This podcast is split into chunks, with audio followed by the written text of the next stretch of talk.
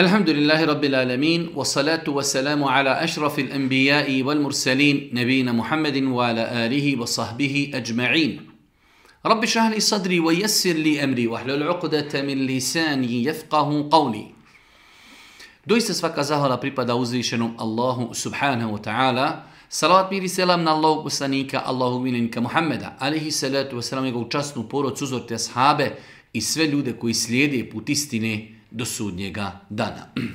Uvaženi braćo i poštovane sestre, uvažni prisutni, evo nas u još jednu emisiju u kojoj se družimo sa vašim pitanjima i vašim dilemama koje vi u pismenoj formi šaljete na naš e-mail. Ovo je naša 161. emisija. Prvo pitanje, molim da mi objasnite šta radite kada greškom ne odem na ruku, nego na seđdu. Šta kad nešto greškom oduzmem ili dodam u namazu? E, kada je u pitanju prvi dio pitanja kako čovjek da postupi ako je otišao na seđdu, a trebao je da ode na ruku, u takvim situacijama čovjek treba samo da se vrati i da nastavi od onog dijela gdje je pogriješio. Tako da čovjek ako je otišao na seđdu i sjeti se da je zaboravio ruku, vratit će se ponovo u stojeći stav i otiče na ruku i nastaviti klanjati. Znači kada insan pogriješi, ili nešto zaboravi od ruknova namaza, vratit će se na onaj dio gdje je to preskočio i nastaviti klanjati namaz. Ovaj drugi dio pitanja je malo, e, da kažemo, opširniji. Šta kada nešto greškom oduzmem ili dodam? E, čovjek da bi znao propise sehvi sežde mora znati šta su ruknovi, šta su vađibi namaza, a šta su neti. Ruknovi se ne mogu nadoknaditi sehvi seždom, bi se mogu nadoknaditi sehvi seđdom ako ih izostavimo u zaboravu. Ako bi ih namjerno izostavili, ne možemo to nadoknaditi sehvi seždom, a sunneti namaza se mogu izostaviti i nije potrebno zbog toga činiti sehvi seždu. Primjer, čovjek ako klanja četvrorekatni namaz kao što je podni namaz i zaboravio je učiti etehijat. Klanio je dva rekiata, zaboravio je etehijat, ustao je na treći rekiat. Učenje tehijatu u četverorekijatnom e, namazu je vađib. Ne smijemo to namjerno preskočiti. Ali ako bi zaboravili i ispravili smo se totalno, nastavit ćemo klanjati treći i četvrti rekiat, ali ćemo nakon toga, kada dođemo do selama, učiniti dvije seđde prije selama i preselamiti. Znači, ako smo nešto oduzeli, tada se sežda čini prije selama. Ako smo nešto dodali, kao da smo ustali na peti rekiat, ako nešto dodamo, onda činimo sehvi sežnu nakon selama. Znači, ruknovi se ne mogu nadoknaditi sehvi seždom, ako u namazu zaboravimo neki rukn i sjetimo se, budemo sigurni da smo ga preskočili, vraćamo se na dio gdje smo to preskočili i nastavljamo klanjati sa tog dijela namaza do kraja namaza. Kada su u pitanju vađibi, vađiba koji izostavimo i zaborava, možemo ga nadoknaditi sa dvije sehvi sećde, ako bi ga slučajno, ako bi ga preskočili namjerno, namaz je pokvaren. Vozac sam kamiona, putujem svuda, stajemo i pravimo pauze, dosta ti mjesta i nije baš čisto. U kabini ne mogu da se spustim na seždu. Zanima me, da li mogu sjedeći e, klanjati namaz? Kad su u pitanju naša braća koji radi kao vozači kamiona, mi smo nekoliko puta pojašnjavali propise za namaz da je obaveza farz namaze klanjati stojeći. Ako postoje tolike velike kabine da čovjek može u kabini stojeći klanjati, činiti ruku i činiti seždu, onda može klanjati u kabini pod uvjetom da se okrene prema kibli koliko mi je poznato da je veoma malo takvih kabina ili možda nema nikako. Znači, osnova je da čovjek mora klanjati farze okrenut prema kibli i mora ih klanjati e, stojeći. Tako da, dio e, vozača nam se javljao i spominjali su da nekada znaju klanjati u znači prikolici. I to je jedno od rješenja, znači za vozače kamiona ako su prazni ili ako ima mjesta u prikolci da odu u prikolcu i da klanjaju. U svakom slučaju, farz nama se mora klanjati stojeći i sežda se mora činiti na zemlji. Kada je u pitanju na fila, tu postoji veća tolerancija, ta, na fila ako je u pitanju vožnja, u vožnji može se klanjati i u nekom drugom pravcu mimo kiblije i može se klanjati sjedeći. Može se klanjati sjedeći, ali kada su u pitanju farzi, mora se klanjati prema kibli i klanjati se stojeći.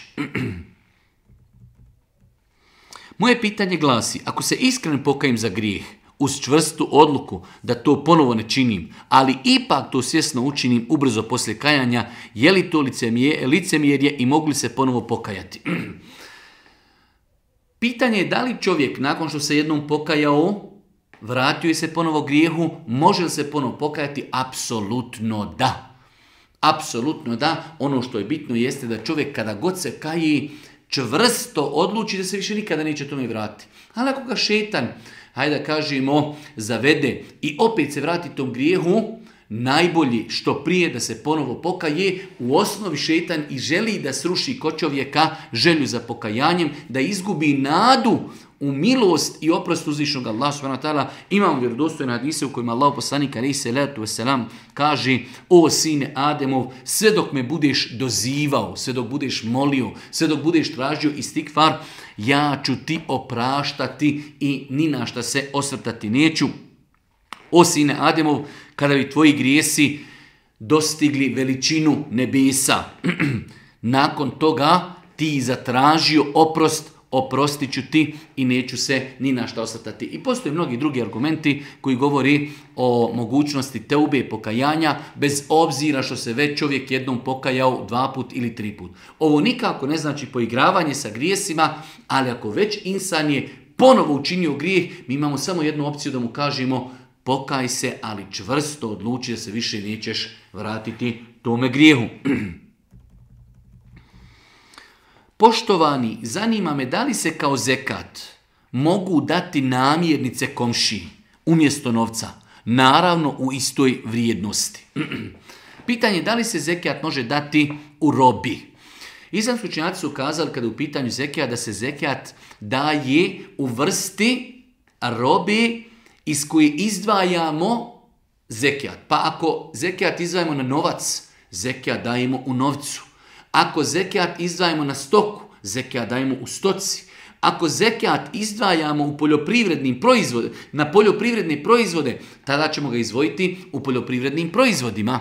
Osim u slučaju kada je u pitanju trgovačka roba, tada se trgovačka roba procjenjuje i zekijat se daje u novcu. To je osnova, iako su kazali islamski učinjaci, ako čovjek izdvaja zekijat na trgovačku robu koja može koristiti siromahu, kao brašno ili nešto slično tome, nema smetnje da se i zekijat na trgovačku robu da siromahu u robi.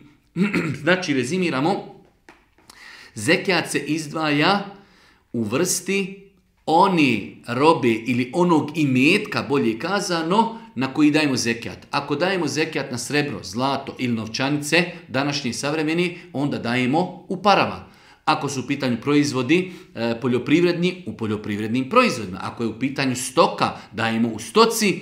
Trgovačka roba u osnovi se procjenjuje i daje se u novcu. Ali ako trgovac ne bi imao novca, a kaže imam kvalitetne trgovačke robi koju siroma je potreban, može koristiti, može dati svoj zekijat i u trgovačkoj robi. mogli dobiti odgovor na jedno pitanje da li postoji opasnost za ženu i njen plod ako boravi u istoj prostoriji ili u blizini osobe koja ima džina u sebi.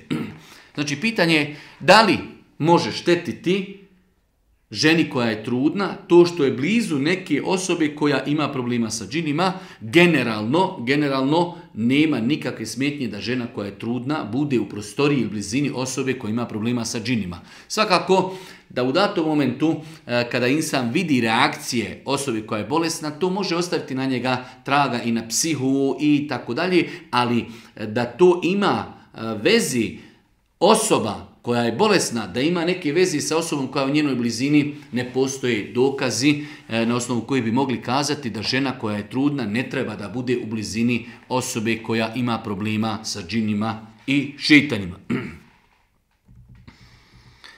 Negdje sam na internetu čitala da nije bitan broj podoja, da bi moj sin postao brat po mlijeku rodici, dok sam čula od pojedinih osoba treba najmanje tri ili pet puta.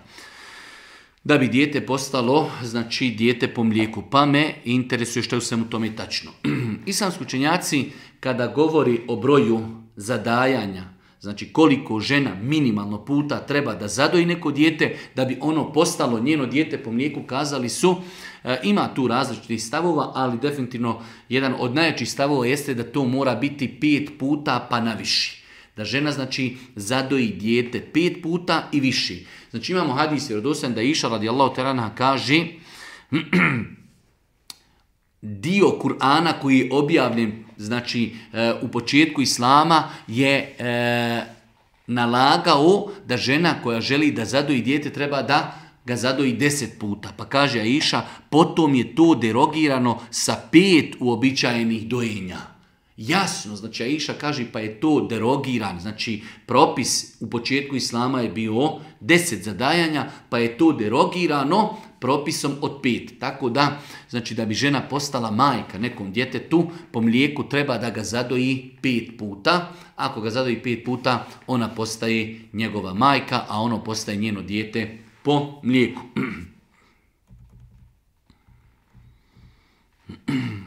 Jedno malo duže pitanje e, u kojem jedan brat spominje da se vrati u vjeri, da pokušava da svakodnevno makar jedan namaz klanja u džematu, a nakon toga kaže Često se dešava, ali ne uvijek, da se poziv na namaz, ezan, pušta sa tableta preko aplikaciji. Čitao sam malo o tome i shvatio sam da to nije baš poželjen postupak, čak neispravan. Ovim putem bi da pitam da li taj postupak utiče na validnost namaza.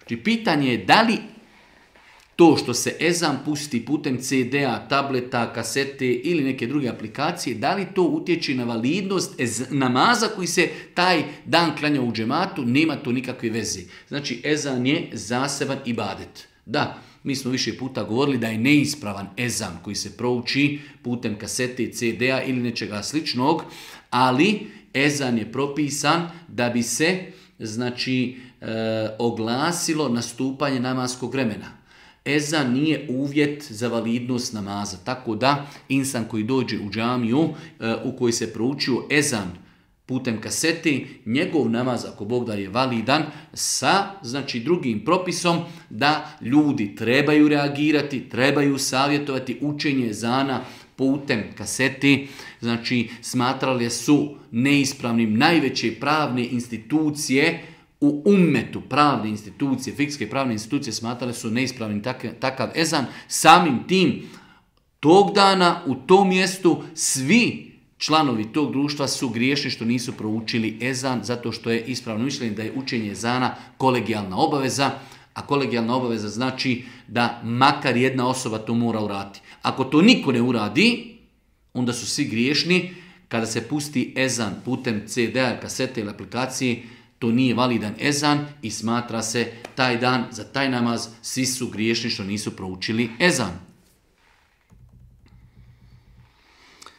Zanima me da li će ljudi u, e, u džennetu sjećati se lijepih momenata događaja sa Dunjaluka ili će u potpunosti sve zaboraviti. Jedno veoma često pitanje koje se postavlja kako našem podneblju, tako i u drugim podnebljima, da li će ljudi u džennetu se sjećati momenata koji su živjeli, doživjeli na Dunjaluku?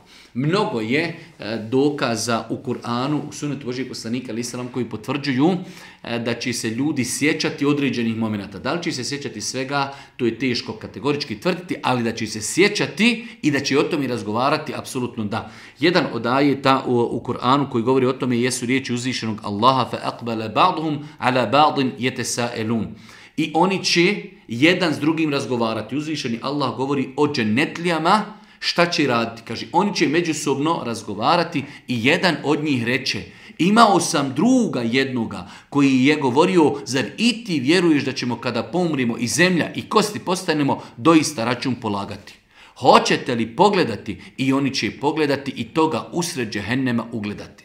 Znači, Allah Žešanu nam e, pojašnjava u Kur'anu E, govori o situaciji dvojice dženetlija koji razgovaraju i jedan od njih kaže drugom ja sam imao prijatelja koji im je govorio zar i ti vjeruješ da kad umrijemo i kad istruhnemo da ćemo biti proživljeni i da ćemo i da ćemo dževab e, odnosno račune polagati pa, je, e, pa će im biti rečeno hoćete li da pogledate i oni će pogledati i toga usred džehennema ugledati Allaha mi reći će Zamalo me nisi upropastio da nije bilo milosti gospodara moga i ja bi se sada mučio.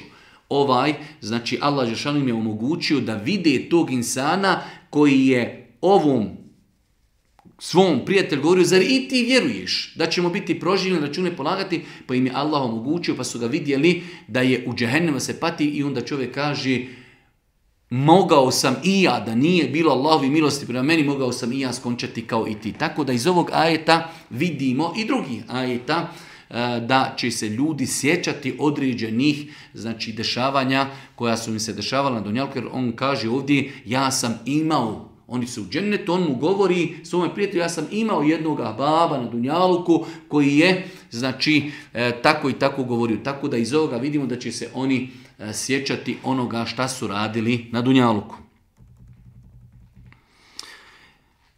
Molim vas da odgovorite da li moram sliku svoju sa ličnih dokumenata promijeniti prilikom stavljanja hijjaba. Definitivno žena koja stavi hijab, znači samim time pokrila je svoju kosu, ljudi ne vide njene avrete, e, treba da da sve od sebe da sa svakog mjesta gdje ima slika, njena slika bez hijjaba, da uklone te slike i isto je tako i sa dokumentima.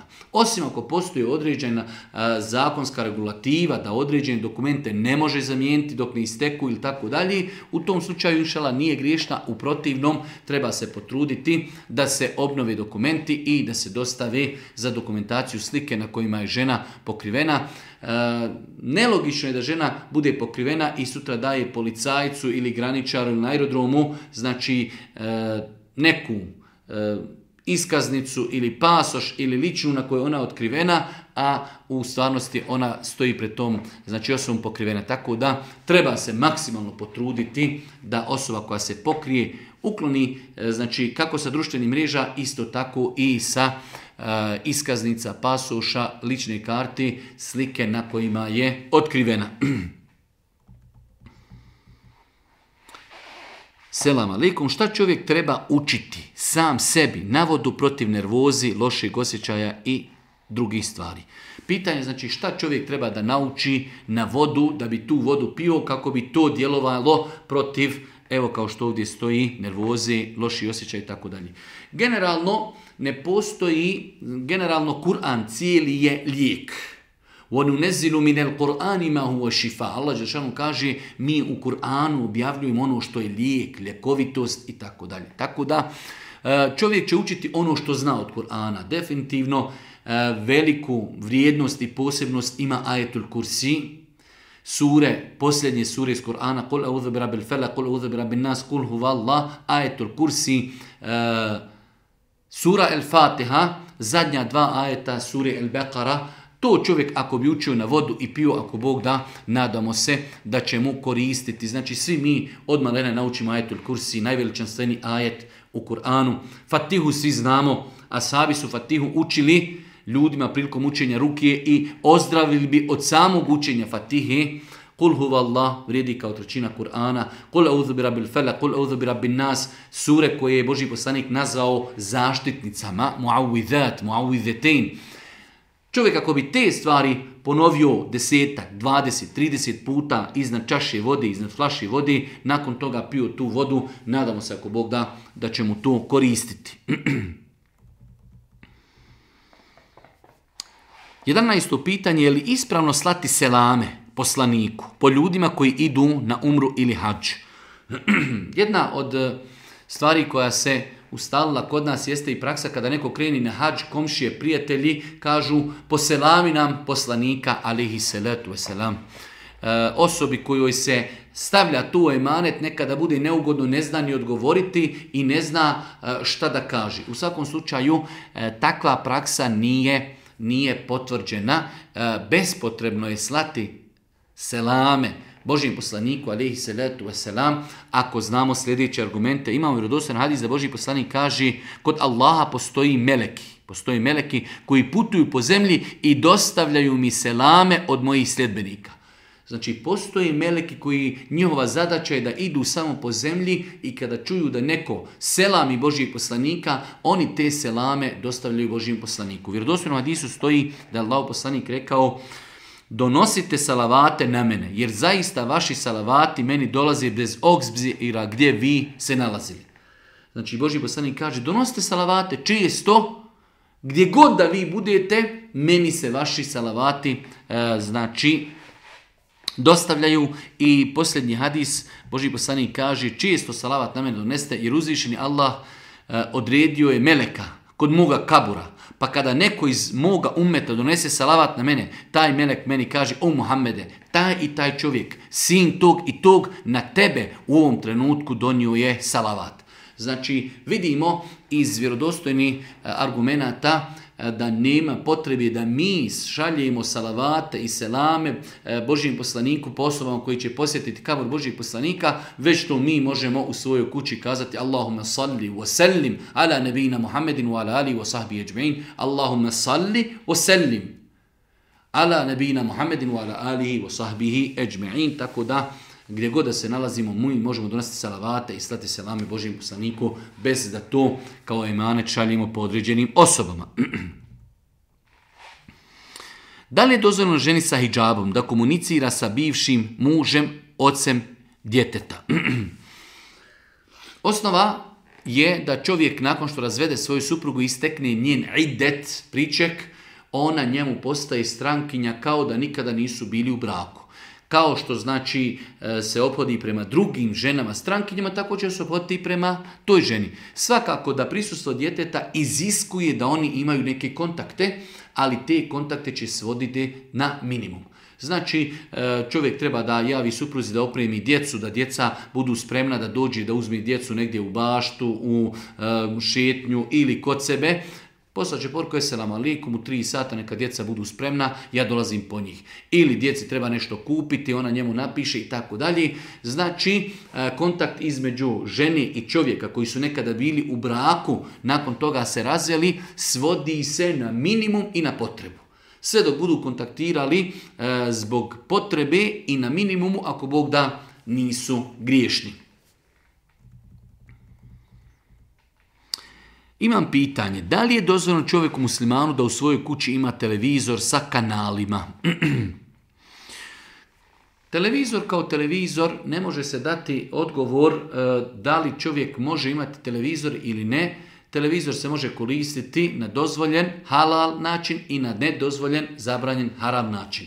Sodno kako čovjek koristi određen uređaj, mobitel, televiziju, auto i mnoge druge stvari, znači shodno tome se i daje odgovor. To što određeni televizije, televizije imaju određeni kanale, znači čovjek treba da se boji Boga, da kanale koji su nemoralni, koji su islamom zabranjeni, treba da ih ili zaključa i da ih pobriši. Kakva opcija postoji, ali znači e, televizija kao televizija ne možemo dati općenit odgovor, već kažemo shodno onome e, kako se koristi. Isti odgovor i za mobitel, i za internet, za društvene mreže, i za laptop, i za auto. Auto se može koristiti u haram, ali se može koristiti u halal. Mobitel se može koristiti u halal, ali može u haram. I televizor se može koristiti u halal. Dozvom, da čovjek pogleda vijesti, da pogleda neke naučne emisije i tako dalje, neki sport ali se može koristiti u gledanje e, zabranjenih stvari, pornografije i tako dalje. Tako da pitanje televizora je, znači, e, vraća se kako i na koji način se koristi. 14. pitanje, da li kupanje od svakog intimnog kontakta je obaveza? E, čovjek je znači mladoženja i kaže čuo je da e, prvi deset dana nije obaveza da čovjek svaki put od intimnog kontakta kupa, već je dovoljno da uzme abdest. Da li je to tačno islamu ili ne? Nije tačno da čovjek prvi deset dana braka se ne mora kupati od intimi. Allah poslanik ali se ratu srnu na disu kaže kada čovjek legne među četiri ženina ekstremiteta, misli se na ruke i na noge, nakon, toma, nakon toga ima sa njom intimni kontakt, kaže Allah poslanik, obaveza je se okupati makar i ne došlo do ejakulacije. Boži poslanik kaže, makar ne došlo i do ejakulacije. Ovaj rivajet bilježi ima muslim. Tako da čovjek, e, šta se može desiti? Može se desiti da čovjek e, nekoliko puta ima intimni kontakt i nakon toga da se kupa, kada nastupi namasko vrijeme i kada se mora dne, e, znači kada mora dne klanjati. Da li se moramo kupati nakon svakog intimnog kontakta? Ne, ne moramo. Čovjek može jednom ili dva put ili tri put manje ili više imati intimni kontakt. Ne mora se svaki put nakon intimnog kontakta kupati. Mora se kupati kada bude tijelo da klanja namaz. Znači, tačno je da se čovjek, ako je došlo do ulaska muškog spolnog organa u ženski, zbog toga je se njemu obaveza kupati prvi put kada nastupi namasko vrijeme i kada bude tijelo uklanjati namaz. To da ima 10 dana da se samo abdesti je nepoznanica islamu. Koja dova se treba proučiti nakon jela i pića? U vjerodostojnim hadisima Allah poslanik ali se selam posticao je e, sledbenike svoga umeta da zahvaljuju Allahu na jelu i na piću, čak to je povezano sa oprostom griha. Subhanallah, kako je naša vjera lijepa, potpuna, savršena. Čovjek jedi, zahvali se Allahu što mu je dao tu na faku, to bude razlog, ta zahvala bude razlog oprosta griha. Kaže se u vjerodostojnom hadisu, Allah poslanik rekao, ko jedi neku vrstu hrane nakon toga rekni Elhamdulillahi lezi at'amena haza wa razaqanihi min gajri haulin minni wala quwa.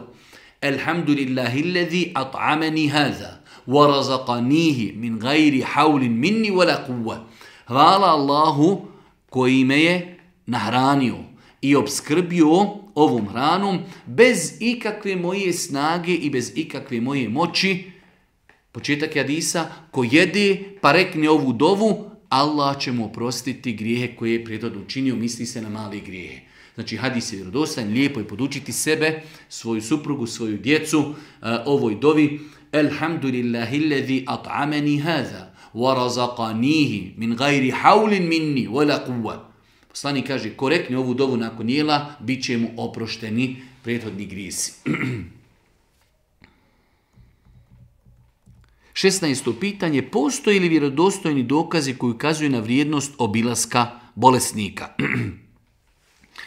da, postoji viši vjerodostojni hadisa u kojima Allah poslanik ali salatu wasalam eh, preporučio obilazak bolesnika. Čak imamo eh, da je obilazak bolesnika eh, jedno od četiri dijela koje je Boži poslanik rekao kada se nađu ova četiri dijela kod jednog čovjeka u toku jednog dana, znači E, obećaju se e, posebne nagrade takvoj osobi. E, postoji drugi vjerodostojni hadis da je Allah kazao ko jutrom posjeti bolesnika.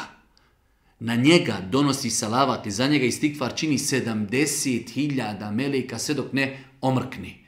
Ako naveći, posjeti bolesnika, na njega salavat i stikfar, znači za njega moli 70.000 meleka sve dok ne osani. Znači, zato su islamski učenjaci kazali da je pohvalno i lijepo obići polesnika rano jutrom. Zašto? Kako bi što duže meleki dovili i molili za insana, jer onaj koji zajtra posjeti bolesnika, 70.000 meleka na njega dovi sve do noći. I tako isto na ako ćemo već obilaziti, poslanika, obilaziti bolesnika na veće, onda je najbolje odmah u početku noći. Zašto? kako bi što duži period meleki doveli za insana. Postoji više vjerodostojnih hadisa koji potvrđuje da je u islamu lijepo i pohvalno obići čovjeka koji je bolestan. 17. pitanje, možete li spomenuti argumente ljekovitosti meda? Uzvišnji Allah s.w.t. u Kur'anu, kada govori o Kur'anu, kaže Fihi šife'u linnas. Znači, Allah Žešanu kada govori o, medu, kada govori o pčelama, kaže i u medu je lijek za ljude. Fihi šifa u nas, u medu se nalazi lijek ljudima. To je znači kuranski ajet. Imamo više vjerodostojnih hadisa da je Allah poslanik ali se letu selam kazao u tri stvari nalazi se lijek i ljekovite su. Prva stvar kaže šerbetu aselin, konzumiranje i pijenje e, meda. Tako da, znači, da ne govorimo sa naučne strane što je potvrđeno koliko je med koristan za insana, njegovo zdravlje, njegov organizam. Imamo, znači, jasan kuranski ajet koji jasno kaže da je e, Allah Žešanu objavio u na danu pčelu da proizvodi med, a u tom medu je fihi šifa'un linnas, u medu je lijek ljudima. Znači imamo isto tako s druge strane vjerodostojne hadise u kojima Allah poslanik preporučuje kao lijek korištenje, korištenje meda. isto pitanje. Često čujem da ljudi rade hijjamu. Ima li to utemeljenje u islamu?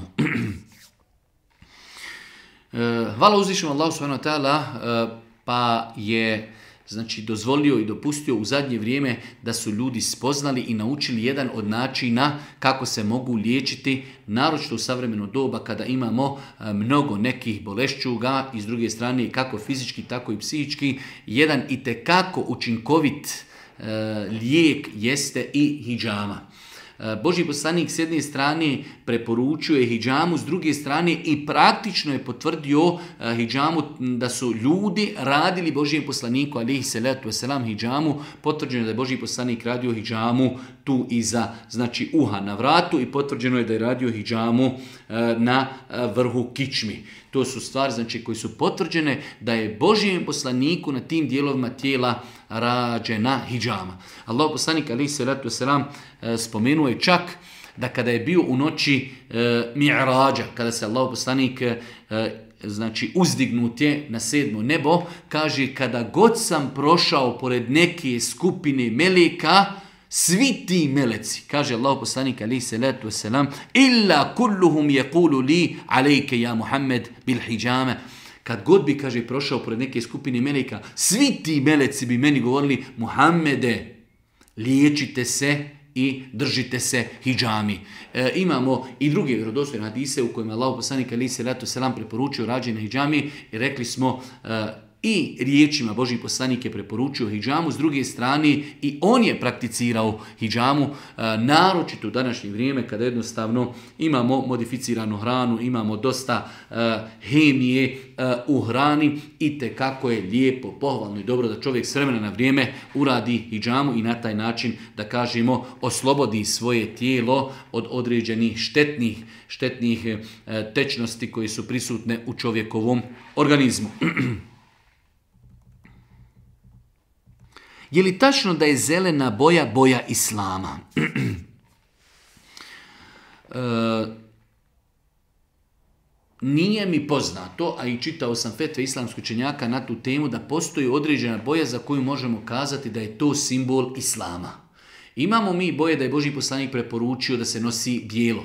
Ako bi kakva boja bila boja islama, onda bi to bila boja e, bijela, boja jer Boži poslanik je preporučio nošenje bijele odjeći. Ali da li možemo zbog toga, samo što je Boži poslanik preporučio nošenje određene boje, da zbog toga učinimo da je to boja koja znači e, predstavlja vjeru islam, e, ne postoji dokaz na osnovu kojeg bi mogli kazati da islam ima samo određenu boju koja jednostavno je kao simbol islama. Niti bijela, niti zelena, niti crna, niti crvena. Imamo dokaze da je Boži poslanik nekada nosio znači šarenu odjeću, da je nosio bijelu odjeću, da je nosio čak i crvenu odjeću e, i da je nosio i crne dijelove odjeće i tako dalje. E, zbog čega sad određenoj boji dati specifičnost da ona bude simbol islama. Tako da nije mi poznato da postoji boja za koju možemo kazati ova boja je simbol islama.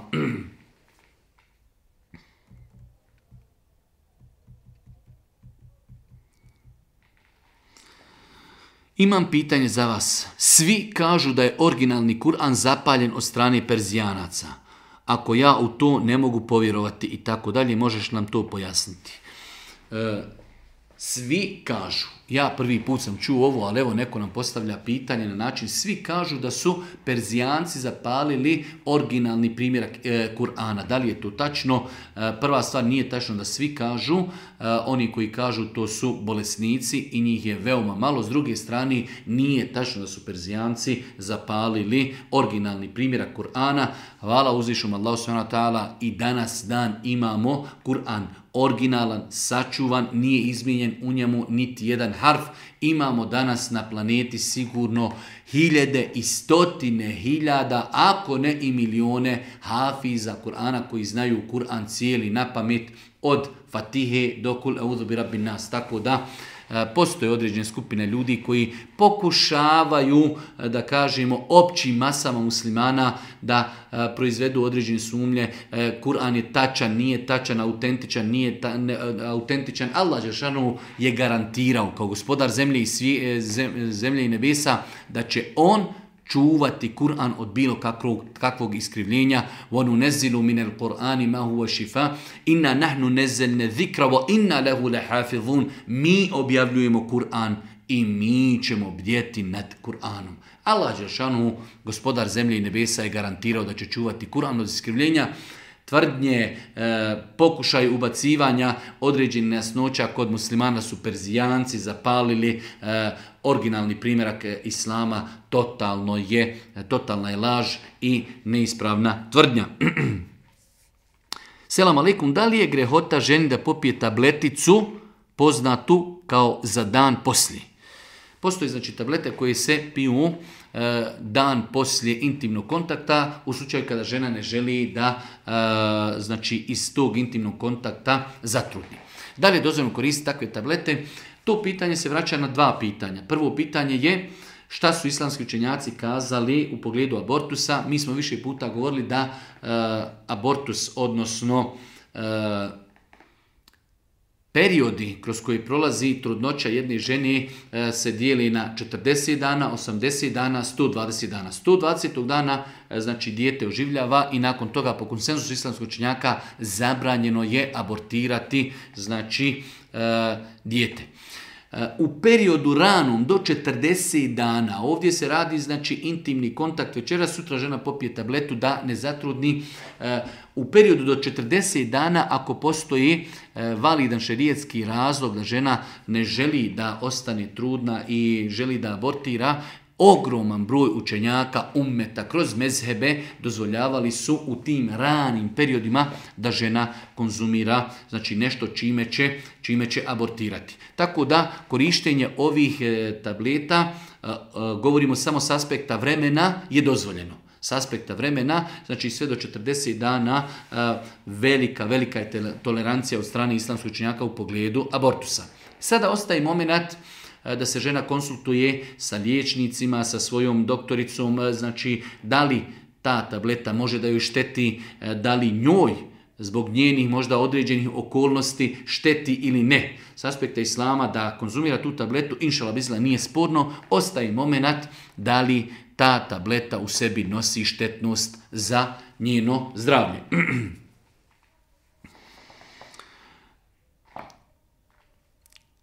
Čuo sam da ako mi psujemo i vrijeđamo nečije roditelje, e, da to znači da mi psujemo i svoje roditelje. Pitanje interesantno e, koje je preuzeto iz vjerodostojnog hadisa Božji poslanika ali se letu sram. Imamo vjerodostojni hadis da je Allah poslanik kazao minel kebairi šetmu rađuli walidehi. Kaže Allah poslanik od velikih grijeha je da čovjek psuje i vrijeđa svoje roditelje. Tako ide hadis. A sahabi su se začuli, to u to vrijeme je njima bilo nepoznanica.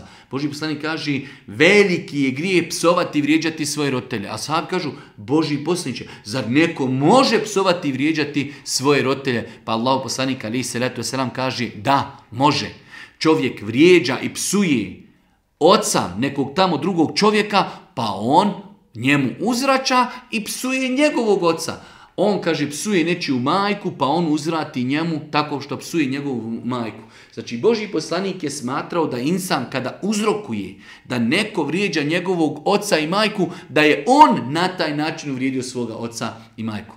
Vjerujem da ste razumjeli ovaj hadis koji ukazuje na bitnost roditelja i koliko je bitno da pazimo na svoje roditelje do te mjere, da ne vrijeđamo ljudima njihove roditelje, jer ako mi uvrijedimo njihove roditelje i oni će uzvratiti nama, pa će oni psovati i vrijeđati naše roditelje, a to će se smatrati kao da smo mi psovali i vrijeđali svoje roditelje. Subhanallah ovim, kako je veliko pravo roditelja u islamu, Boži poslani kaže, doista je veliki grijeh da čovjek psuje i vrijeđa svoje roditelje. A sahabi se čude i kažu, Allah će, zar je moguće da neko psuje i vrijeđa roditelje? Kaži, može čovjek opsuje roditelje nekom tamo drugom insanu, pa mu on uzvrati i to je Boži poslanik smatrao da čovjek vrijeđa i psuje svoje roditelje, stoga moramo paziti na svoje roditelje, a jedan od načina jeste i da pazimo da ne vrijeđamo ljudima njihove roditelje, jer će nam oni uzvratiti, pa će na taj način vrijeđati naše roditelje, a mi smo sve to uzrokovali. Esselamu alaikum, imala bih pitanje, da li je kupovna na rate isto kao i kredit, kamatni kredit? Kupili smo kuću i hvala Bogu bez kredita, sada imamo dosta ulaganja, najviše e, skupa je kuhinja, pa smo razmišljali da bi na rate, ali nismo sigurni da li je haram.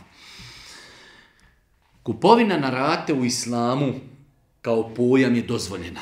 Nema ništa sporno da čovjek dođe kod stolara i kaže koliko košta ova kuhinja, on kaže ova kuhinja vam je u kešu, za 1000 eura. A ako ćete i plaćati na rate 1000 i po, ćete tri rate po 500. To je u islamu dozvoljeno i znači nije, e, nije uopće sporno.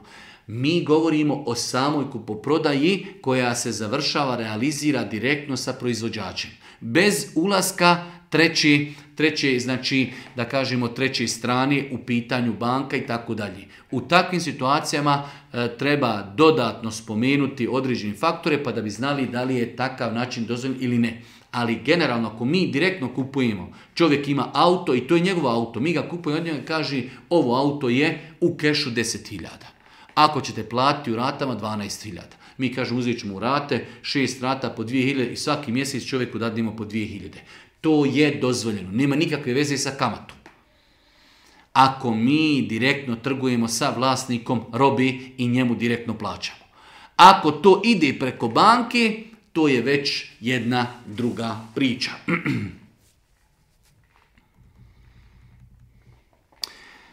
Pitanje glasi, moja supruga želi da se zakrije da nosi hijab i tako dalje. Malo duže pitanje, ali pitanje je da li postoji posebna procedura prilikom e, donošenja odluke da žena počne nositi hijab. Ne postoji nikakva posebna procedura. Hvala uzvišom Allahu, naša vjera je toliko jednostavna, savršena, potpuna, e, univerzalna. Žena koja je bila otkrivena E, samo kaže bismillah, želimo danas da nosi mahramu, pokrije se, izlazi iz kuće pod mahramom bez ikakve procedure, bez ikakve ceremonije, bez ikakvih e, sobeta, bez ikakvih dova, bez ikakvih kad kažemo dova, mislimo, pošto postoji u određenim podnebljima procedura, žena koja hoće nikab, ni, hijab da nosi, treba da dođe neki e, učen čovjek, pa da se napravi gozba, pa da se uči dova, pa da se pravi ceremonija to s aspekta islama nije propisano. Znači, e, žena može početi nositi mahramu bez bilo kakve, bez bilo kakve procedure.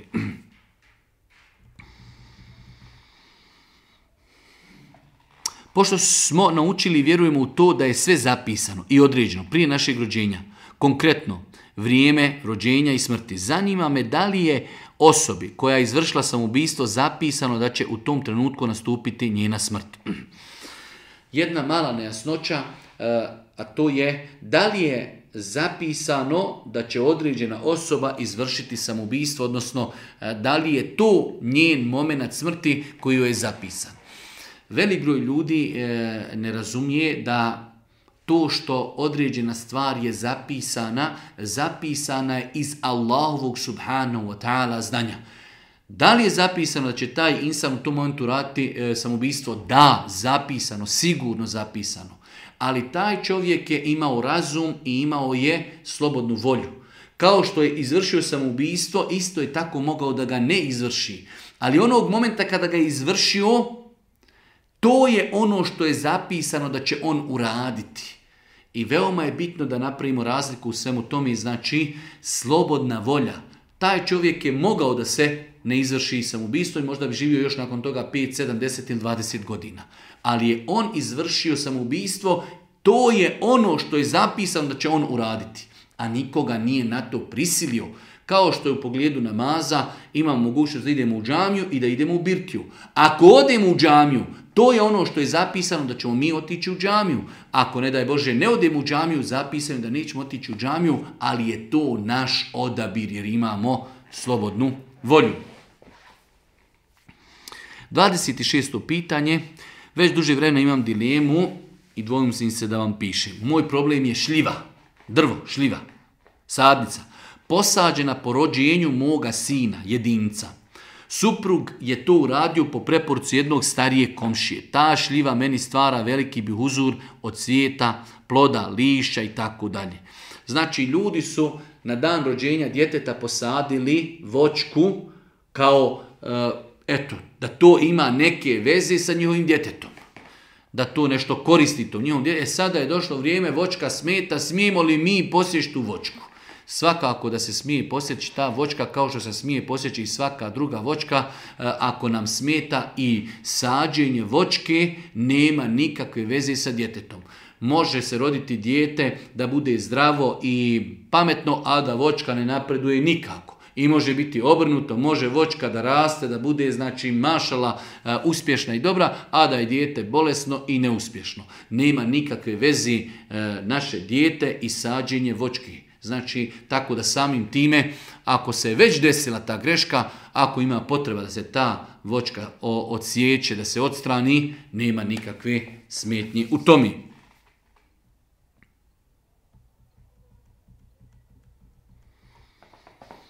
Poštovani Efendija, zanima je vaše viđenje turbeta sedam braći u Sarajevu. Vjerujem da ste već upoznati s tim, pa neću objašnjavati detaljno da li će nam ta sadaka baš na tom mjestu biti vrednija od drugih i pomoći u rješavanju problema. Generalno, kad su u pitanju turbeta, Allah poslanik ali se letu veselam strogo je zabranio bilo kakvu gradnju na, na mezarlucima i na znači mezaru bilo koje mrtvi osobi. Znači prva stvar, Boži poslanik je strogo zabranio gradnju na kaburu. Ako znamo to samim time, kažemo da sve što se izgradilo je neispravno, nema nikakve osnovi. To što ima u našem podneblju, eh, u nekim drugim podnebljima ima mnogo više, znači imaju određena turbeta, neispravno je graditi bilu, kakvu građevinu na kaboru. To je jedna stvar. Druga stvar, neispravno je smatrati da se kod tog turbeta dodatno vrednuje sadaka ili da se tu bolje dove primaju nego na drugom mjestu. Konkretno, kada je u pitanju Turbe 7 braći u Sarajevu, e, u osnovi ne zna se ko je tu zakopan. Ali kad bi rekli znamo njihovo ime i prijezmi, to su bili dobri ljudi, to nikako ne znači da je dozvoljeno nešto izgraditi na njihovom kaboru, pod jedne strane, s druge strane, to nikako ne znači da su tu dove bolje da će se prija primiti, niti znači da će data sadaka tu biti bolje primljena i kabul kod uzvišnog Allah s.w.t. Čak šta više, zašto su te stvari zabranjene u islamu kako ne daj Bože ne bi odvele ljude do širka. Neko će doći tu i mislit će da je tu dova bolje se prima zato što taj insan je to kao vrijedan i bolji. Ali neko drugi će nakon toga doći i mislit će da se dova upućuje tom mrtvacu pa će možda tražiti od mrtvaca što je veliki i ogroman širk, najveći širk, da čovjek traži nešto od mrtve osobe koja ne može sama sebi pomoći. Tako da znači rezime odgovora e, Božji poslanik Rodostojnog Adisma zabranjuje gradnju, bilo kakvu gradnju na, na znači kaborovima e, Samim tim ne postoji šerijatsko opravdanje za postojanje turbeta u islamu. Druga stvar, e, to što je izgrađeno određeno turbe na kaburu određeni, evo da kažemo, dobrije osobe koja je u životu bila dobra, nikako ne znači da se tu dove dodatno privaju, da je tu sadaka vrijednija. Taj mejit ne može sebi nikakvu korist pribaviti kamol da on pribavi neku drugu korist drugim ljudima. Širke, kufr, nevjerstvo da čovjek dođe i da dovi od tog čovjeka da nešto traži. A doći će ljudi kada vidi da neko tu dolazi, da nešto daje, da stavlja i tako dalje.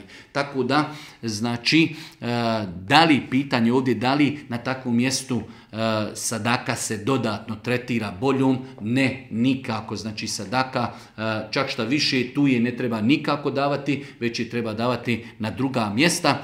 S druge strane, isto tako, dova nema svoju posebnost na takvim mjestima.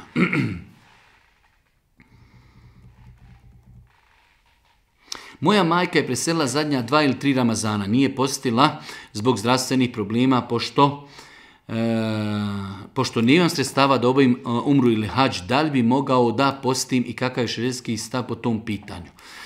Pitanje da li se može postiti za osobu koja nije postila. Imamo rodostan hadis da je Allah poslanik kazao ko umri men mate wa alihi saum saum saame anhu Onaj ko umri, a nije postio određene dane, za njega će napostiti njegov staratelj. Islamski učenjaci imaju jaka razilaženje u pogledu ovog hadisa, ali jedno od najjačih eh, svatanja ovog hadisa jeste da insan koji je bio bolestan, pa je ostavio post iz opravdanog razloga, znači bolestan je, ne može postiti. I s druge strane, kao što su spomenuli i e, islamski učenjaci, imao je mogućnost da isposti. Znači, e, bio je bolestan i bilo je tri mjeseca i ozdravio, nije to, nije to znači napostio, tada treba za njega to napostiti. Jer jednostavno taj njegov dug je opravdan. Dužan je, bio je tri mjeseca, mjeseca zdrav, nije postio, treba njegov dug Ramazana napostiti ali ako je čovjek bio bolestan i u toj bolesti umru, nije imao period kada je ozdravio i kada je mogao postiti, taka, za takvog insana ne treba napaštati post. Rezimiramo odgovor, znači ako e, se desilo da je čovjek bio bolestan, nakon toga je ozdravio, imao je period kada je mogao to napostiti, ali nije napostio, u takvom slučaju može, znači mogu nasljednici, staratelji te osobe napostiti za njega te propušteni dane. Ako je insan bio bolestan i u toj svojoj bolesti umru, nije imao vrijeme kada je to mogu napostiti, za takvog insana se ne treba napaštati, znači taj dug. Radim u Francuskoj jednoj firmi gdje za vrijeme pauzi mogu samo klanjati farz odjaciji. Da li je to ispravno? Jer drugi mi kažu kad ne klanjaš sve što treba nije validno, nije validno. A oni ni farze ne klanjaju. Znači čovjek radi u nekoj firmi, radi, ima pauzu, može klanjati e, jacijske farze, ali mu ljudi kažu ako nećeš klanjati i sunnete, i farze, i sunnete, i vitre, nemoj klanjati farze, nije ti to ispravno. Da li je njihova tvrdnja tačna? Apsolutno netačna, džehl, neznanje. Pogledajte, umjesto da jedni druge podstičimo, klanjaj, pa makar farze, to je ono što ti je strogo naređeno, mi ljude svojim neznanjem, e, svojim džehlom odaljavamo od Allaha i od namaza, govori čim nemoj klanjati, nije ti to ispravno. Farz to je ono što nam je naređeno i zato će nas Allah strogo pitati. Zato ljudi koji po zapadu ili u Bosni rade u firmama, ako ne mogu klanjati i sunnete, neka klanjaju ono što im je stroga obaveza, neka klanjaju farze, ispunili su ono što im je naređeno, a sunnete neka klanjaju kada budu mogli.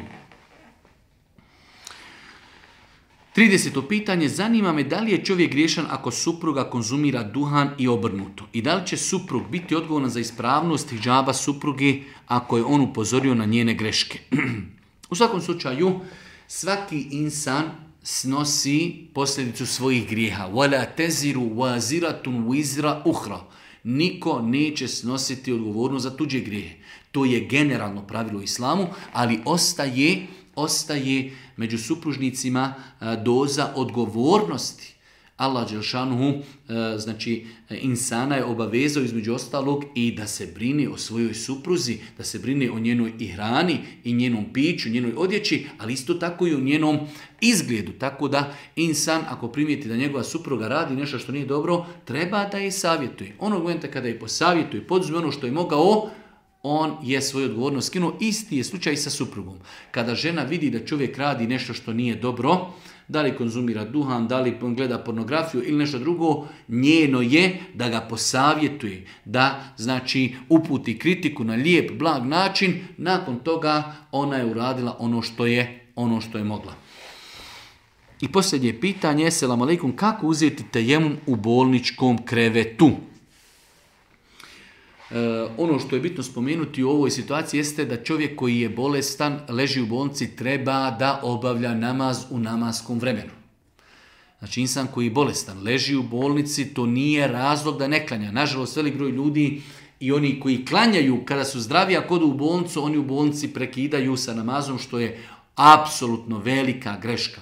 Čovjek vjernik kada je bolestan treba da klanja namaz potpuno, da abdesti se okrene prema kibli i tako dalje. Ako ne može abdestiti, ako ne može se okrenuti prema kibli, klanjat će kako može. Uzet ćete jemum na način da ako treba da mu unesu u bolnicu u nekoj posudi koja je dovoljna da može samo da dotakne zemlju sa svoje dvije ruke, znači to je posuda znači 40 santi sa 40 santi u koji će staviti zemlji, u kojoj čovjek će dotakjeti zemlju, potresti ruke, znači potrati lice, potrati ruke. Tako da čovjek ako se nalazi u bolnici ne može abdestiti zato što mu voda šteti ili nema ko da mu pomogni, tako će se osobi donijeti u nekoj manjoj posudici ili u kesi zemlji, gdje će on svojim rukama dotaknuti zemlju, nakon toga potrati e, lice, potrati šake i na taj način je znači čist može klanjati svoj namaz. Molim uzvišenju Allah da nas poduči korisnom zdanju, da nam bude milostiv na sudnjem danu i na kraju subhaneke, Allahumma da bihamdike, šedu in la ilaha ve tubu ilik.